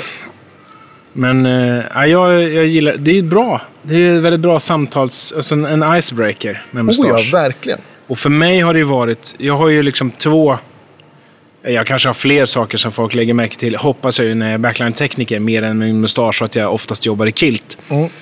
Eh, förhoppningsvis lägger de också märke till om någon sorts kompetens och Ja. so, social förmåga. Men det är faktiskt en väldigt bra grej sådär när man jobbar i, där ett ständigt flöde av människor. Ja, Så kan de säga, men gå till han med mustaschen så Just vet det. de, vet man det. Då tar man inte fel. Om det inte är en turné där du är med nu då, för nu kommer det bli förvirring. Men jag är glad att du har tagit Ja. upp den här traditionen. Och, Var, eh, var, hur kom det sig att du... Jag minns inte riktigt. Jag, det började, min första vaxade mustasch, den tror jag var redan 1993. Okej, Eh, och, och det var roligt för då körde jag hade den... inte ens jag. Då kunde inte jag ens ha mustasch. Ja, min mustasch var väl inte så där mycket att skryta över då, men den hade liksom börjat ta form. Och eh, i samma veva som jag skulle börja på den här metallkonsthantverksutbildningen, då körde jag ett tag en sån här Fu Manchu-grej. Okej. För att jag hade haft mustaschen vaxad ut åt sidorna och sen så rakade jag bara bort allting i mitten. Och vaxade ett, de här taggarna rakt neråt. Och, och samma sak med skägget. Så att jag fick en sån här kinesisk trollkarl-look. Ja. Den föll inte god jord någonstans faktiskt. Det var jättetråkigt, så jag tog bort den. Men sen så kunde jag liksom inte... Då var den biten. Så Sen har den kommit tillbaks med jämna mellanrum. Ibland har den klippts av av mig eller av någon annan. Men Ja. den är ständigt återkommande. Det har, det har verkligen blivit en del av mig. Även om jag liksom inte... Jag vaxar den inte alltid till vardags. Nej. Ibland så vaxar den först framåt eftermiddagen. Sådär. Mm, men det vet ju jag som har jobbat med det. ja, det, Ibland så har du den... och är det gig, då är den vaxad. Ja. ja. Men ibland så är man lite ledig och soft sådär på. Det är som att byta om till liksom scenkläderna. Ja, men visst. Då, måste du, då vill jag ha något bra tips på något bra vax här. Ja, jag är ju svårt eh, nischad på det här. Eh, Stern, deras Ungarische Bartwisch. Okej. Det är alltså ett, ett ungerskt mustaschvax från Tyskland. Okej, var Det är- hittar man det? Eh, det finns nog i de gubbiga herrfrisörer. Ja. Liten blå pappask. För, Förut var det en brun plåttub. Nu Okej. är det en vit eh, plasttub. Ja. De har väl eh, uppdaterat sig lite grann. Jag tycker fortfarande den är den som, som jag, funkar bäst för mig. ja. Bra när man börjar få lite längd. För om man har en kortare mustasch, då går det med de flesta vax. Men sen måste den orka bära. Ja, men nu börjar det bli lite svårare. Det här är lite för mjukt. Ja, det, det där ser ut som att du får, får lite så här, det blir lite luftigare längst in. Exakt. Och det är svårt. Jag, kanske ska, jag har ju ett överflöd. Jag kanske ska donera en, Oh. en tub till dig så att du får En lite julestuns i mustaschen. Ja. Ja, men det, det är en, en, en, rolig, en rolig grej att hålla på med. ja, mycket roligt. En enkel hobby. Det bara växer och växer. Ja. Danne brukar, brukar presentera mig som mannen, myten, mustaschen. Ja, men det är bra. Och så en del som brukar sjunga på Kommer han med mustaschen. ja, ja okej. Ja, mannen myten menisken känner jag till annars. Men, Ja, just det. men det är mer... Ja. Det känns mer som ett, en förlorarintroduktion. Mannen my- myten mustaschen känns mycket bättre. ja, mycket bättre. Passar dig också. Jag, Ja, tycker, bra. Ja, jag- jag... gillar att du har den där mustaschen. Den, Ja, ja men jag, den, den har fastnat. ja, de gör lätt det. Det är, det är faktiskt jag har ju hund också, det är lite som att ha hund. Det är faktiskt en icebreaker. Mm. Och det är också väldigt roligt. Eh, Jag och min tjej var i New York i, i tio dagar i oktober. Och då var det alltså 30 gånger per dag fick jag. För det, det är en sån otrolig kulturskillnad. Mm. Ja. De bara Hey man! That's an awesome mustache man! Min, min mustasch har ju varit, den har ju varit längre. Eh, mest har väl varit närmare halvmetern mellan spetsarna. Ja, Eh. det är imponerande. Men eh, det blir ganska tunt ute i änden. Men just den här icebreaker-grejen. Eh, 2011, eh, på sen vår, tidig sommar, innan vi skulle dra igång melodin. Då var jag i Kina Mm. i drygt två veckor. Och då så hade jag någon dag när jag var i Shanghai och bara gick på The Bund, den här strandpromenaden. Där. Ja. Eh, och även vandra runt i, i den gamla delen av, av Shanghai. Och om man dessutom är ett huvud längre än folk och med en sån här mustasch. Och det slog mig inte förrän efteråt att det, hade varit, det var så många som ville ta kort. Ja, Och det fick de ju. Så jag var ju, blev ju som någon sorts turistattraktion där. ja. Det var som att ha Mick Jagger. Ja, men precis. Och det som, som grämer mig fortfarande är att jag inte kom på, först efter nästan hela dagen hade gått, att jag skulle be alla de här som tog kort att även ta kort med min kamera. Ja! Så att jag kunde haft en bild på alla dessa okända kineser. Som ville ta en bild. Ja. Det hade varit fantastiskt roligt att ha ett eget Ja. litet fotoalbum med. Vilka är de där? Jag har ingen aning. Nej. De är mustasch aficionados Vi sågs i, var var det någonstans? i Shanghai. Shanghai. Ja. Och samma, även kinesiska muren var ju en dag. Och där var det också mycket att de fotade, fotade inte muren, utan mig. Och jag, det, måste säga att det, det, det smekte i mitt ego på ett, ett eh, väldigt behagligt sätt. Ja. Jag tycker det var roligt. Det var, inte, det var inte jobbigt. Jag kan tänka Nej. mig att det i längden skulle kunna bli skittråkigt. Ja. Men just en, en, någon dag sådär får bli sådär omsvärmande folk som Underbart. bara är hänförda. Det var Ja. roligt. Så det kan ni också köpa till era barn. En mustasch. Precis. Ja. Ja, Bra tillägg. bra tillägg. Viktigt tillägg. Mycket viktigt tillägg. Tack för tipset. Tack. Men vi kör vidare här. Vi har, eh, som ni kanske sett och hört, har vi filmat igenom gitarrer och riggar och diverse switchningar och eh, trådlösa system och Ja. diverse. och Arne med flera har även hunnit line-checkat allting. ja, precis. Som är en sån ja, daglig rutin. Ja. Bara... Och sen eh, lyckades jag prata med Sebastian i telefon här i ett helt annat ärende. Och då, då berättade han att men, du, Arne måste berätta om, om, eh, om det han måste springa, springa iväg från den grekiska pelaren eller italienska pelaren. Så nu Ja. måste du berätta det för alla här. Jo, eh, vi har ju en, en passning under, eh, eller ja, i, i sluttampen på Thomas eh, soloparti. Det, det som vi kallar för Capri. När eh, eh, Thomas skickar in Italien i kulissen igen. Vi har ju en, en italiensk ruin som kuliss. Och för att den ska få plats så fälls pelare och sånt ner eh, och lägger sig platt. Och sen så svischar det där ut med ganska bra fart. Det är en fontän, några pelare och lite murverk. Och, och i samma veva så ska John och jag då lämna scenen med en gitarr, ett mikrofonstativ, ett notstativ och lite noter. Och vi, vi krockar nämligen med Sebastian på vägen ut där. Han står och väntar på att göra entré. Ja, det är ganska trångt Det blir den här lilla trångt. gången ut Ja. Och Stage Right. Hinner inte vi, om inte vi är tillräckligt snabba, då kommer vi alltså bli inlåsta av den här ena pelaren som kommer ut som en stor... ja, men som en sån här... Eh, vad ska man säga? En ram, sån som man har slår in eh, slottsdörrar med. Ja, En sån kommer full fart ut- rätt in i min tool-case. Eh, så det, det... Ja, it's a no. Att stå där den kommer. ja det är dåligt. Och det har blivit lite av John som min sport, att försöka hinna föra det där. Ja. Vilket också innebär att John får göra mycket dansakrobatik eh, för att inte springa på sladden som jag drar efter mig. Det är många moment som ni ska- Ja, och vi har, vi har väl inte fått någon riktig statistik, men det känns som att nu på slutet så har vi börjat få ett riktigt bra flyt i det där.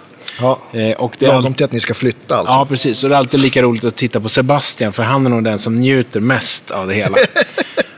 Han, Det är en eh, av kvällens höjdpunkter för ja, ja, men, och vad gör man inte för att glädja Sebastian? Ja. Han är en fin människa och behöver lite, lite extra. Ja. Så det är, ja, men det är en del sådana där passager är tajta, men, men som sagt, vi vänjer oss ju fort. Så att Mm. då, sen är det bara något vi gör. Men för någon som står bredvid så kan det säkert vara en, en chockartad upplevelse. Ja. Jag hade ju eh, Simon Yttergren, eh, numera Simon Bäck, ska man tillägga. Också en väldigt duktig backline-tekniker. Han var vikarierade för mig under repperioden. När det började närma sig premiär. Och eh, jag tror att han fortfarande kan vara traumatiserad. Men han har faktiskt lovat att han, han står beredd att göra ett och annat vick om det skulle behövas. Ja. Så att han, han eh, förlitar sig nog på att om jag säger att det går att genomföra giget numera så, Ja. så gör det. Men det, Ja, men det blir eh,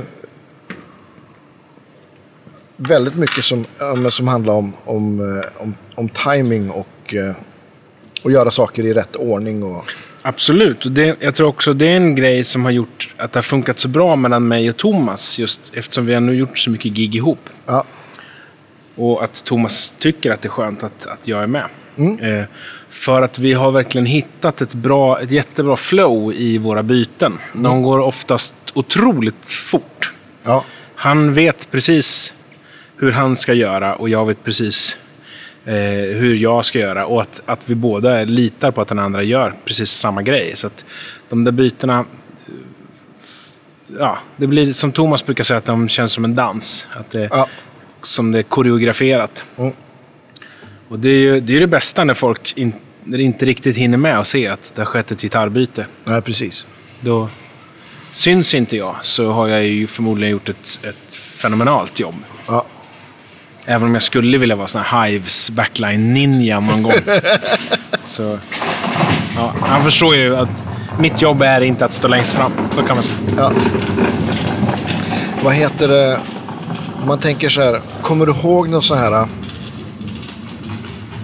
fadäser? Så här, saker som har gått sönder som du har fått så här, lösa blixtsnabbt under gig. Så här, stärkare som har brunnit eller pedalbord som kukar ur eller... Jag vet ju att saker har hänt, men... Men jag minns, jag minns ett, gång, ett gig när jag mer eller mindre låg under en virveltrumma och höll i sägamattan. För att kunna... För att någon upptempo, typ CC Rider i något Elvis-medley skulle låta rimligt tills låten var slut. Det är ju inte behagligt på något sätt. Nej. Och det var ju Henka Johansson som spelade trummor, så det, är också, det är Johan Fransson hårt när han slår. Eh, men sen har väl saker, menar gitarrer som har gett upp, men de har ju oftast bara fått springa in med någon annan. Ja. Och har det inte funnits en spare så har man fått hitta på någonting som kan vara spare. Ja. Oj, nu blir det... Nu provspelar de eh, scenlyssningen här. Ja. Vi sitter nästan i, i, i ljudets riktning. Ja. Nej, men jag tror att... Eh, det är så många saker sker ju ändå liksom i stunden, så man kanske inte lägger så mycket tid på dem. Man tänker mer på lösningen än på själva incidenten. ja, men det förstår jag. Eh, ja, alltså, nu senast hade vi när Thomas eh, eh, skulle ta en mikrofon ute på det här eh, folkmusikpartiet. Mm. Så fick han in en sån fin träff så att han slog iväg den där micken två och ett halvt bord längre bort. Så att den försvann bara ut i publiken. Och Thomas ska ju sjunga vidare. Ja. Så att då Han gav bort micken för att någon skulle sjunga med, eller? Nej, han eh, har en mikrofon i ett stativ. Eh, Ah, spelar gitarr. tar tufft. av sig gitarren och ska ta micken. Och sopar Ah, till micken nej. så den Ja, far förstår. bara iväg. Ja. Så han står utan gitarr och utan mikrofon. Mm. Eh, och så hör vi, både jag och Jessica som är där ute och gör de här bytena då, hör eh, i vårat in hur Johan säger att ah, Thomas måste ha en mick. Och vi vet ju att ja, det måste han absolut, men vi är ute i publiken. är 40 meter bort. Ah. Enkel men, väg. men då eh, får Thomas i alla fall den, eh, det bra infallet att han plockar ju helt enkelt eh, Petras mick. Ja, just det. Petra som är med och spelar fiol Mm. och eh, sjunger. För hon ska inte köra mer Perfekt. där. Ja. Så han tar den micken och gör sin insats på bordet när han ska spela munspel och sånt. Det blir ett annan, eh, det blir en annan kanal, det blir ett annat ljud. Men, men det funkar ju. Ja. Och då är problemet bara att när han kommer upp på scenen, då gör vi i alla fall ett mickbyte till hans ordinarie mick. Mm. Som han inte, för den använder han ändå inte där ute i publiken. Så vi har en lösning. Men då måste vi också få tillbaka Petras mick till Petra. Just det. För hon ska ju in efter det här. Allting går i ett rasande tempo här. Det Ja. Mm. bygger inför liksom slutet på showen. Men då eh, är ju även de så professionella så att jag behöver ju bara stå på scenen där och titta på Petra som tittar på mig och sen så ge henne tummen upp så vet hon att ja, men då har de en lösning. Då gör jag bara som vanligt så Ja. kommer det finnas en mick. Ja. Och sen kan jag stå här på sidan och ge henne en. Hur kom hans mick tillbaks? Eh, den hittades till slut i, i publiken. Det var någon glad eh, gäst som sa “Titta, en mikrofon. Den heran?” Och det var den. Det kan det vara. Ja. Det där kan ju bli så konstigt. Vet, det, det kan verkligen ställa till det. Nu har ju vi en, en reservmikrofon som vi använder där ute. Mm. Eh, Just för att bytet sker från att Thomas står och sjunger på scenen och pratar och så vandrar de ju ut i publiken. Just det. Och då spelar han gitarr. Så att han kan ju inte bära med sig en mikrofon. Nej, precis. Och det hade, ju- ja, så därför fanns det redan som en, så att säga, en extra mikrofon. Vilket gjorde att situationen blev hyfsat lätt att rädda. Hade han gått ut med sin vanliga mikrofon, då hade vi stått inför en helt annan härva. Hade vi inte hittat den och inte haft en reserv, då, ja. Men då hade man fått lösa det på något sätt. Ja. Då kanske hade blivit några intressanta så här. Då. Ja. Men... Eh, nej, annars är det väl sådär mest att... Jag vet, vi gjorde ett gig här på Cirkus med två stycken Elvis. Det var samma med Henka Johansson då. Eh, och Tobbe Fall var nog med då. Mm. Också eh, ett, ett väldigt roligt gig. Då hade vi Jack Baymore och Henrik Ågren som Ja. var då de Elvisarna. två Elvisarna. I olika, en 60 och en 70-tals Elvis. Eller om det var en 50-60 och en 60-70. Ja, två Ja. olika epoker av Elvis. Och så kör de lite den här Elvis, hela den här revival-grejen. här- De sitter i ring, någon boxningsring där och, och lirar. Comeback special. Precis. Så kör de en sån grej och, eh, och eh, Jack Baymore, Kent Wikmo, då, eh, spelar gitarr och sjunger för han är ju Elvisen i det här sammanhanget. Ja. Eh, och han spelar av tjocka E-strängen. Vilket är helt fantastiskt för han har spelat 13 set. Och, så det är en 56 eller något. ja, shit. Och han spelar med kanske 46, 046 plektrum, tunna. Måste ju vara en dålig sträng. Ja, och den går av precis i stallet. Eh, Så det kan ju ha varit någon grad i... i Ja. Alltså en nötpunkt som inte är så bra. Eh, och det här filmas ju också. Så det blir lite stressigt där. När jag raskt då, ut med den där, in, plocka gitarren, ut med den fort, på med en ny sträng, stämma upp den, in med den till nästa låt. Det går hur fort som helst. Ja. Strålande. Eh, alla är överraskade. Kommer in, han får gitarren och han skickar på den. Första anslaget slår han av samma sträng igen. Nej. Och han tittar bara på mig och säger You planned this, didn't you? Eller något liknande. Ja. Det var, han finns han gör det på engelska som om han vore just Elvis. Då. Ja. Och, så han tror ju att jag har ställt upp världens sista gigget-skämt. liksom. Ja. Och typ suttit och förfilat några strängar. och jag är bara så här, men hur, sluta! så bara, ut med den, stränga om den igen. Och det, det var så här, ja men det är nog ett av de mest osannolika. Hur, så här, det händer inte. Nej. Men det gjorde det. Ja. Men eh, ja, det gick ju det med. Ja. En, anekdotvärdet ska inte förringas. Nej, verkligen inte. Kommer var det en grad i stallet eller? Jag Ja, jag har för mig att det var så. För att de där, det blir, också ganska högt strängtryck med de där 1356 Ja. sätten. Och som sagt, en westerngitarr så äter den ju ner ganska mycket. Och det har man ju förstått efter ett tag. att Det hänger ju inte på att det behöver inte vara stål eller någonting. Det räcker ju bara att den där sadeln inte är optimalt formad. Att den är lite Ja, för visst. vasskant. För då knäcker det ju just i linningen på strängen. Och då blir det en brottanvisning som, som allt, allt spelande på strängen hamnar på en nötningspunkt. Och till Precis. slut så ger de sig. Ja. Det, Ja, det är ju ett par kilo. ja. Och det, det är ju de där sakerna som man också upptäcker efterhand. Som man kanske inte fattade när man spelade när man var liten och, och började spela. Eh, varför strängar gick av till exempel. Mm. Eh, som sen då, ja, men man lär sig också vad instrumentet, vad, vilka egenheter som driver fram vilka, vilka haverier. Ja, men visst. Såklart. Så det, Ja. och det är väl tur. Att man, för då kan man också äh, hitta en strategi för att, för att åtgärda det. Så att man inte står där och, och pustar och stånkar med samma återkommande problem. Mm. Ja, det går visst. lätt att, att angripa. Och det, är ju, det är väl lite så också att det är så här, av problemen man lär sig lite också. Absolut. Mm. Och jag har ju nött det där eh, ganska länge med, med stämmandet och sånt redan innan. Eftersom jag... Jag började skruva sönder gitarrer redan när jag var liten. Det, var liksom, Ja. det hängde väl ihop med att jag fick den första gitarren. En, Ja. Ja, den var jag faktiskt väldigt rädd om. Det var en, en, en Vantage var det som min Ja. pappa köpte till mig. Någon, någon gammal sån där träfärgad Just det. 24-bandare. Som jag ångrar idag att jag inte har kvar. Den, den var, jag fattar ju efteråt hur bra den var. Ja, Och sen någon Yamaha 30 watts sån här brun just det. stärkare. Man Just det. kunde med push-pull overdrive. Ja. Tufft. Ja, tufft. Men där, sen så började jag... Ett tag så hade jag en period där jag, köpte mycket gitarrer på, på eh, konkurs... Nej, pantauktioner. Ja, just det. Så att... eh, Och då eh, fick man ju åtgärda en del av de där liken. Och, Ja. Och en del var ju riktiga fynd och en del anade med att de kanske hade en så här tveksam historia. Så där, när någon hade klistrat så här kassettbandsetiketter över någon så här märkning när det stod någon fritidsgård eller något. Ja. Men, men där lärde jag mig otroligt mycket i, i just det där om, om handhavandet. Hur de funkade och vad det var som gjorde vad. Och Mm. Då hittade man ju också böcker som man kunde beställa eller, eller i någon välsorterad musikhandel. Och nothandlar som faktiskt hade saker, ja men det som man kan sakna lite idag.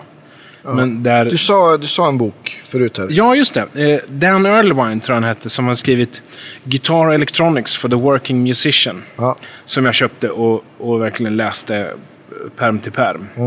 Med massvis med grejer om, om pottar, eh, olika mickar, olika system för hur det funkade. Och, och en del av dem var ju rena mysterier då. För att man Ja. hade mest bara stött på single coils och humbuckers. Och, och sen började man kolla på det här med, med coil taps och att splitta mickarna, fasvända. Och, Ja. och fick lite förklaringar om hur det funkade med polaritet i, i mickar och om spolen gick, om man körde signalen inifrån och ut eller tvärtom. Höga respektive låga, breda spolar. Varför låter en, ja, men en strata eh, single coil så annorlunda mot en, en P90? Liksom. Just det. Ja, visst. Och det, ja.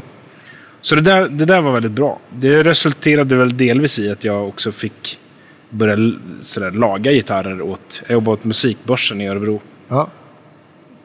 från tidigt 90-tal. Då, och, och, ja, men gjorde en, från början enklare reparationer. Mycket så här, stränga om nylongitarrer. ja, visst. Det är Kulturskolan. En, en grej som aldrig tar slut. Och sen så, ja, så ökade det väl där, både liksom kunskaperna och framförallt modet. Ja. För det är ju också det som är ett, ett problem att, att våga. Alltså den första bandslipningen man gör är ju, det är ju hjärtat i halsgropen hela tiden. Tänk om Ja, man gör fel. Och sen så eh, triumfen av att ha fått till det. Och Ja. triumfen att ha gjort det första gången åt en kund. Ja. Och de säger, gud vad bra det blev. Ja. Är ju, det är fantastiskt. Ja, och, visst. Och, och det där, jag tror att jag, jag liksom har förlikat mig mer i rollen som materialförvaltare där. Mm. Än att vara liksom ute på, på isen, för att använda någon Ja. sportreferens. Hur länge var du på börsen där då? I... Till och från, alltså jag, eh, jag jobbade ju en del där parallellt och även alltså butiksjobb. Men eh, jag, jag tror att det var 91 som jag började. Och sen höll jag nog på där till och från. Jag var iväg och pluggade i Leksand i två år. Då gjorde jag väl inte så mycket. Men Var det rustnings... ja, det var metallbiten. Metallbiten, precis. ja. Men så kanske att det ändå var fram till... Så till och från fram till 2006 kanske. Mm. För då började jag med... Eh, att dels så jobbade jag ju då med, med revybiten och sen så Mm. började jag då med den här Ladies Night-turnén. Just det. Och efter det så har, ju, har det ju varit mest den grejen jag har jobbat med. Då, Ja. Som har tagit mest tid. Mm. Olika turnéer. Så det... Om, man, om någon som lyssnar känner att ja, men jag kanske skulle vilja jobba, jobba med det du gör. Har du något bra tips då? Så här? Det där är så himla svårt, för vi, Ja. vi har ju liksom ingen riktig utbildning man kan falla tillbaks på. Men jag har ju... Det var så spretigt. Jag ville ju hålla på med liksom, först med foto och sen så med musik och sen med teater och sen smide och sen nu upptäcker jag ju att eftersom jag även bygger liksom scenteknikgrejer idag. Så nu håller jag på med musik, teater och smide. Det är fotot kanske då. Ja. Så på något sätt så sydde jag ihop den där påsen i alla fall. Ja. Men, men att hitta någonting på vägen vet jag inte. Men det är nästan så att jag skulle säga att, att vägen kanske lättast via att, här, börja humpa och Ja. vara med och liksom jobba på gig. Och, och försöka ta sig in den vägen. Annars tror jag man måste nästan gå kompisvägen. Med, Precis. börja hänga på något band. Och, Precis. Åka med Ja. men, polarnas Ja, men- rockband på Ja, Europaturné. precis. liksom. Och sen så hoppas att, att det genererar ett ref- referensvärde som, som man kan ta med sig. För att på något sätt så är det ändå... Jag tror att det, den biten är, är tyngre vägande än ett CV egentligen. Ja, För men att- det är, det är på samma sätt som det som, som för en musikant. Ja. Det spelar ingen roll om man är bäst. Om, om inte de andra säger att det där är en skön snubbe. Ja, men visst. För det på något sätt så väger det liksom så pass tungt. Så att de kan plocka med en som egentligen är okänd bara på rekommendation. Men, Ja, men exakt. Men alla vill veta att det, att det finns någon som går i god och säger att han funkar eller hon funkar ihop med folk. Precis. Det är en som vi kan lita på. Det är en som, som gör jobbet. Ja. Ja, men det är ju ex, exakt samma om man är tekniker eller musikant. Ja. För det, ja, de, de där, det måste funka. Liksom. Ja, för någonstans kommer man sitta på en buss ihop någonstans. Ja. Eller, eller skava i någon van eller Ja. i någon hotellobby. Och då är det ju bra om även den där dödtiden går.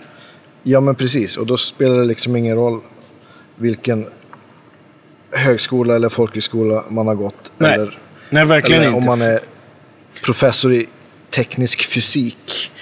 Och sen en, en grej till som också... ehm, inte... Alltså stå för dina misstag. Det kommer ta dig jävligt mycket längre än om du försöker förklara bort saker. Ja, ja, för det beror på, det. Ja, för beroende på vem man jobbar med eh, så, så måste man... Man lär sig ganska fort att de flesta har en grym koll. En av, eh, en av mina favoriter är ju Jill Johnson. Hon har ju ett Ja, ni har jobbat Ja, Cube också. hon har ett falköga för att se om någon försöker liksom prata ur en situation Ja. istället för att bara säga jag gjorde fel, förlåt. Ja. Och, och det är så skönt för att alla kan göra fel. Ja, Dels så kommer man ju visst. fel om man, om man gör för att man skiter i det eller, eller slarvar. Det är liksom... Eller har otur. Eh, precis, eller ha otur. För har man, alla kan ha otur. Alla Mm. kan, allt kan hända. Men, men försök inte... Sätt inte upp en style för det. Nej. Det är bättre att bara säga fan. Fan vad dåligt det blev. Precis. Kör inte The Cat Ate My Homework. Nej, det, det håller sällan. Och om det till, alltså skulle hålla den där första gången, så ta, ta inte med det till nästa gång. För någonstans så kommer det där korthuset bara krascha. ja, ja, ja, visst.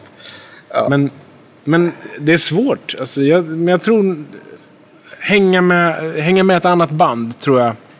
Och försöka få vara med på den vägen. Om inte annat så ger det ändå så pass mycket erfarenhet för, för framtiden. Så det, det är inte bortkastat i alla fall. Nej. Jag kan ju tycka att, att jag kanske hade lite väl mycket räkmacka. För att jag, jag liksom räknade inte med att det skulle... Att, att jag hoppade på den där turnén med, med Ladies Night och gjorde Nej. scenografi. Det kunde inte jag föreställa mig i min vildaste fantasi. Att det skulle leda mig till att jobba med musik. Nej. För det var inte det, var inte det jag tackade ja till. Mm. Men, men det har ju lett åt ett, ett fantastiskt håll. Mm. Jag är ju oerhört privilegierad som får hålla på med det. Ja. Så. Men det, det tycker man om man hör intervjuer med allt från ja, skådisar eller musiker, artister eller, eller vad det nu än kan vara så är ju sällan vägen spikrakt och, och, och nästan aldrig som man eller någon har tänkt sig. Nej. Utan det är liksom kringelikrokvägar och så helt plötsligt så... Ja, Ja, och ibland så är det väl för att man inte själv är riktigt klar på vilket håll man, man helst vill åt. Nej, men precis. Eller Ja, vilket som. Ja, ja, kanske visst. funkar bäst. Ja, För att det kanske är så att det där jag trodde... Jag menar, om jag hade kommit in på, på, på mitt liksom högstadie-fantasival där om att bli fotograf. Då kunde ju det här varit något helt annat. ja, du kunde ha fått vick på Örebro-tidningen som fotograf Ja, istället. men precis. För att aldrig- jobba åt revyn. Ja, Då hade vi inte suttit här. Nej, nej men verkligen. Det, där, och det är fascinerande. Ja, Det är klart att man, ska, man får ju satsa benhårt på, på det man tror på, men, men eh, plötsligt så kan det visa sig att man, man hamnar någon helt annanstans. Det tog mig sju år ungefär, tror jag, att, att släppa... Nej, men att eh, under en sjuårsperiod, ska jag säga, så kom jag längre och längre mot att vara en backline-tekniker. Mm. Eh, Och var ganska motsträvig till att inse det, för jag höll ju på med smide. Mm. Och att det ledde ju mest till att, att, att inte kunna uppdatera sig själv i den situationen ledde ju till att jag mådde dåligt av att jag inte hann leverera det som jag trodde jag höll på med. Ja, visst. Fast om man rent krasst räknade både timmar och kronor så var det något helt annat. Mm. Och, och friheten att inse att det är det här jag gör och det är jag ganska bra på. Det, och det är roligt dessutom. Jag kör på det. Ja. Det är ju en... plötsligt finns det mycket mer energi att ta Ja. vara på. Så det... Har du, har du kvar verkstad och sådär? då? Ja, det har jag. Eh, den står i Örebro. Jag bor ju i Bromma numera. Mm. Sen två år tillbaka. Eh, men jag har precis fått ett garage levererat. Aha. Eh, och verkligen fått det levererat med en sån här stor mobilkran. Har de lyft in. På gården eller? Ja, precis. I, mot huset. Eh, så blir det ett litet garage på 36 kvadrat som ihop med det gamla garaget på ungefär 24 ska bli någon sorts ny verkstad. Ja, vad kul. Eh, Så då blir det ju, och, och i den verkstaden jag har i Örebro, där har det ju varit både smide eh, och musikinstrument. Och, menar, det, är en sån här, det är en diverse verkstad. Jag gillar att vara diversarbetare. Jag är Ja. liksom, det är ju så jag, lite så med backline-jobbet också. Jag jobbar med lite allt det som behövs. Jag, Ja. jag gillar att få göra, göra saker och lösa problem. Så, att, så den där verkstaden har verkligen en sån utformning. Man, man kan jobba med lite vad som helst. Det är bara liksom en... Jag vet inte, det är en stor lekyta. Ja. Det är, jag har ju jätteroligt. Ja. Jag älskar att vara i den där verkstaden. Det kan vara, verka som ganska osocialt, men det, för mig är det en sjukt kreativ och härlig miljö att vara i. Om jag liksom eh, filar på en gitarr eller svetsar en mojäng till någons gamla hotrod. Det är, det är Eller ointressant. knacka på en hjälm. Ja, precis. Allt. Det är, bara, det är roligt att skapa. Ja. Och, och på något sätt så är det ju det man gör här också, i den här miljön. För att jag bidrar ju till att vi skapar någonting som de där ute i publiken Precis. verkligen går igång på. Det är, och det är ju... Alla ni som jobbar här bakom blir ju som, som bandmedlemmar som inte syns. Ja, och det. Och, Så, och det, den den här showen ju, skulle ju verkligen inte gå att göras överhuvudtaget utan alla Nej, er. nej, det skulle det Nej, verkligen då, inte. då skulle bara stanna av allting. Och det är skönt för att det känns också att man är delaktig i det. Och man får också, man känner att man är en del i, i framgången och i den responsen som kommer från publiken. Ja. Är lätt att ta till sig på och känna att det här gör vi jävligt bra. Ja. Och det är... Det är nog där. Jag gillar när folk blir glada. Ja. Det är min drivkraft. Ja, men det är bra. Så länge... Så, äh, blir de glada? Det är så här självisk altruism. Ja.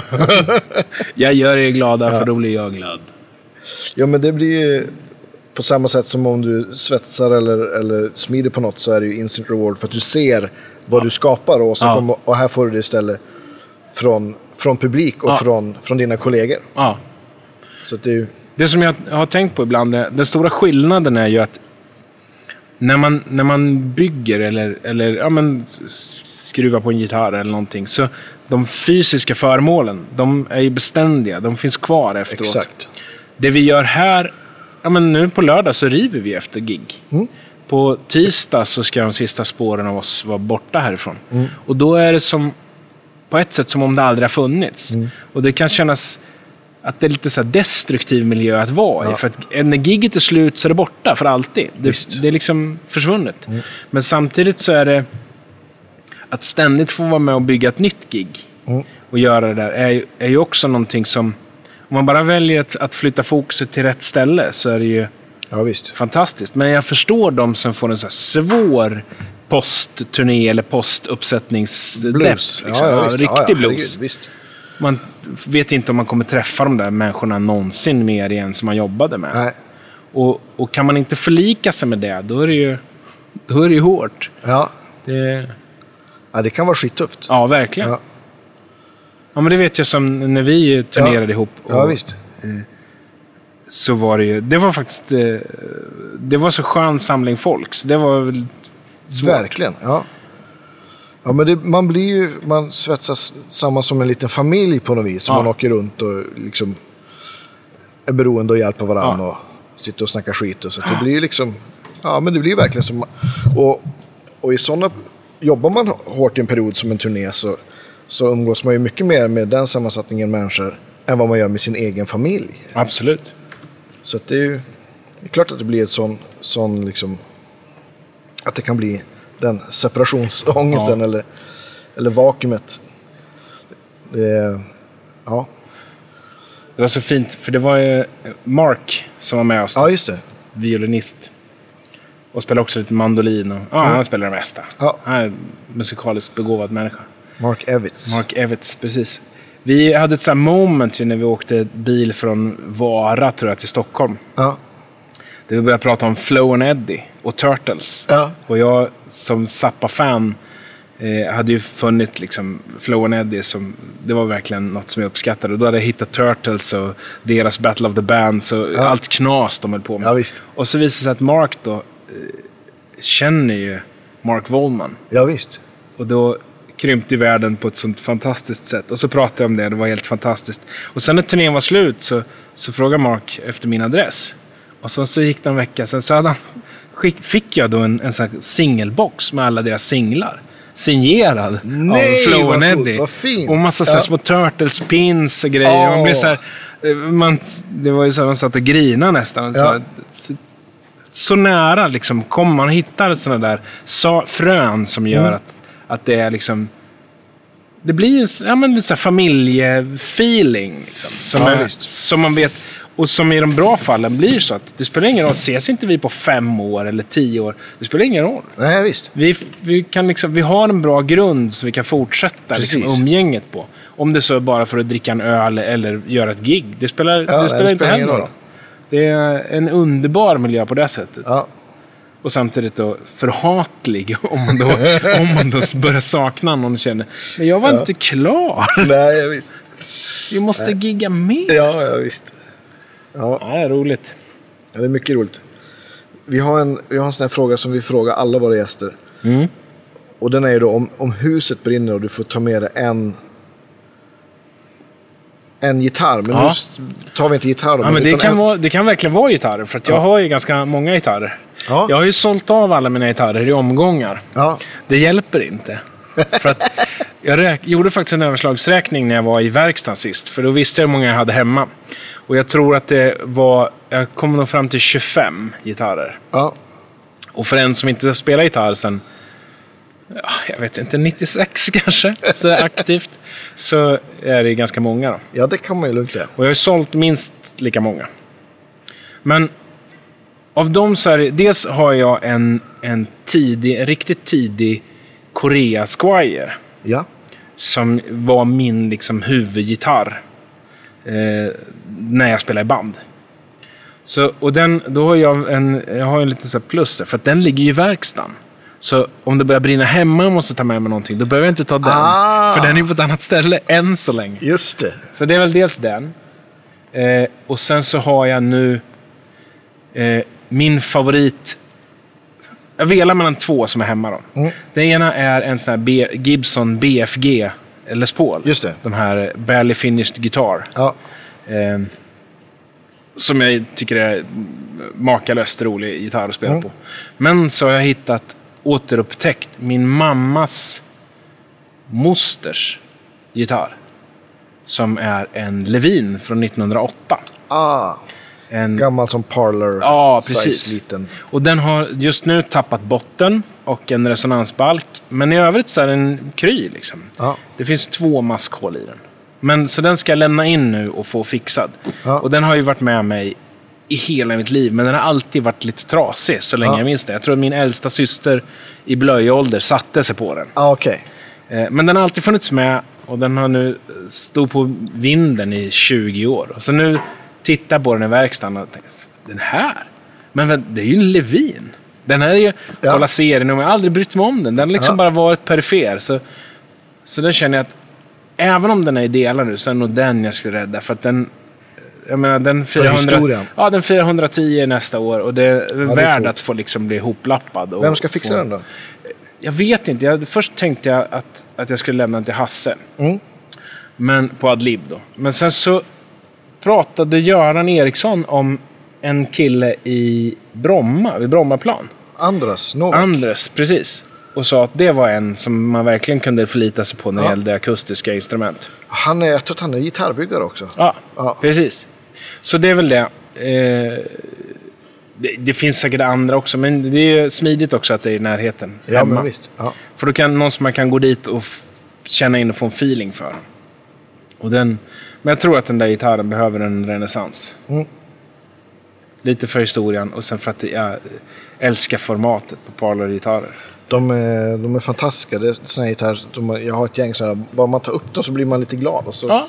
så kommer det musik. Det, och jag tror att det är det som gör att jag, även om jag inte skapar så mycket musik direkt, så är det just den här känslan av att har man om någon gång fastnat för gitarr, plockar man upp gitarrer så blir man, det finns ett terapivärde. Man blir glad. Det är roligt och, och befriande att sitta och pilla på dem, även om man inte liksom skapar några, några, några låtar för eftervärlden. Så, Precis. och då...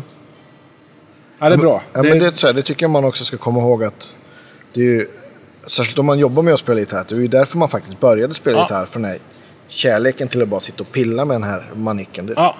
det ska man eh, försöka ha kvar. Ja, och jag, jag tror att fler, fler människor borde få chansen att, att, få, att få pilla på gitarrer. Ja, Och framförallt få pilla på lite bättre gitarrer än de här stackars... Ja, men som, när jag jobbade i musikaffär blev man så beklämd över en del av de här barnen som skulle få de här paketgrejerna. 995. Nev- Neville-gitarrer, J&D Brothers och sånt där. Ja. Som om det inte vore svårt nog att få ordning på huvudet och fingrarna och det. Så ska man... Alltså, Frank Zappa berättade om hans första gitarr med en och en halv centimeter stränghöjd när man Ja. kom upp vid tolfte bandet. Här. Och det är lite samma sak. Gör inte det här mot barnen. Det är klart, om det är motgång så den som klarar prövningen eh, tål ju hur mycket som helst. Ja. Men vi måste inte börja med att lära barnen klättra upp för berg. De kan ju börja med liksom fan, cykla på plan mark först. Låt dem ha stödhjul en stund. En bra, hygglig, liksom, begagnad gitarr som är liksom, ja, men ett bra instrument. Så att, och det är samma sak där. Får man känna på en bra, bra gitarr så är det roligt även om man inte kan spela. För man, det, det talar till en direkt på något sätt. oh ja, verkligen. Det är som om man gör medeltids och ri- riddarreferenser då, så är det det finns svärdsformade föremål och så finns det svärd. Den dag man tar ett riktigt svärd så fattar man skillnaden. Och det är lite samma sak där. När man plockar upp en gitarr som verkligen är ett instrument Ja. så spelar det ingen roll om man inte kan spela. Det, på något sätt så känns, Känns det. det? Ja, ja visst. Det. Det finns en trovärdighet i de, i de instrumenten. Om Som, pondus. ja, Ja. som, den signalerar någonting tydligt som den andra bara mumlar om. Ja, Så det är, ja. Ge era barn gitarrer i julklapp. Precis. Bra gitarrer. ja. Inget tjafs. Nej, Fram med plånboken. precis. Ja, men det är väl kanske ingen dum, dumt förslag. Köpa något begagnat istället för Ja, något. ja, men det tror jag. Eh, Även om det idag måste man ju också tillägga att många av de här gitarrtillverkarna som, ja, men som kanske var kassa när vi var små, har ju liksom blivit någonting bra. Mm. Absolut. Och idag görs det ju otroligt mycket bra instrument för väldigt Verkligen. låga pengar. Liksom. En gitarr för 4 500 för 25 år sedan var ju liksom inte så mycket att ha. Men idag Nej. kan man hitta en jättefin gitarr för 4 500. Absolut. Och det är ju det. Är ju det. Alltså för många, så som man pratar för om att Kina, ja, det är kinesiskt skit, Kina, Kina. Men de har faktiskt världens mest moderna maskinpark. Deras träbearbetning slår många andras med hästlängder. Om det inte ska vara någon sån här luthier, någon, någon som handbygger saker. då. Men, ja, men just de här som massproduceras så är kvaliteten på ett helt annat sätt nu än när man fick sin första Duke eller Mm. Ja. Court eller något. Visst. Någon Hobbex-modell där som... Ja, ja, det har hänt ganska mycket. Ja, verkligen.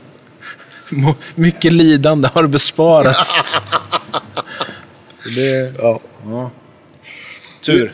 Stort tack för att du ville komma och vara med. Eller Ja. jag fick komma till Ja, din det arbetsplats och eh, var så intervjua dig. otroligt Ja. roligt att du kom. Det Ja. var ju synd med, med Danne och Ja. ja. kräksjuka barnet, men det är ju verkligheten. Så kan det bli. Så kan det bli. Och Ja. jag tror många här i produktionen kanske är glada att, att det inte kom hit någon som eventuellt också var på gång att bli kräksjuk. Det kan jag nog definitivt De- förstå. De kan vara mig. lite känsliga. Ja. Men det var hemskt roligt. Hemskt Ja. roligt att få vara med. Tack för idag. Tack. Ses nästa vecka hörni. Hej hej!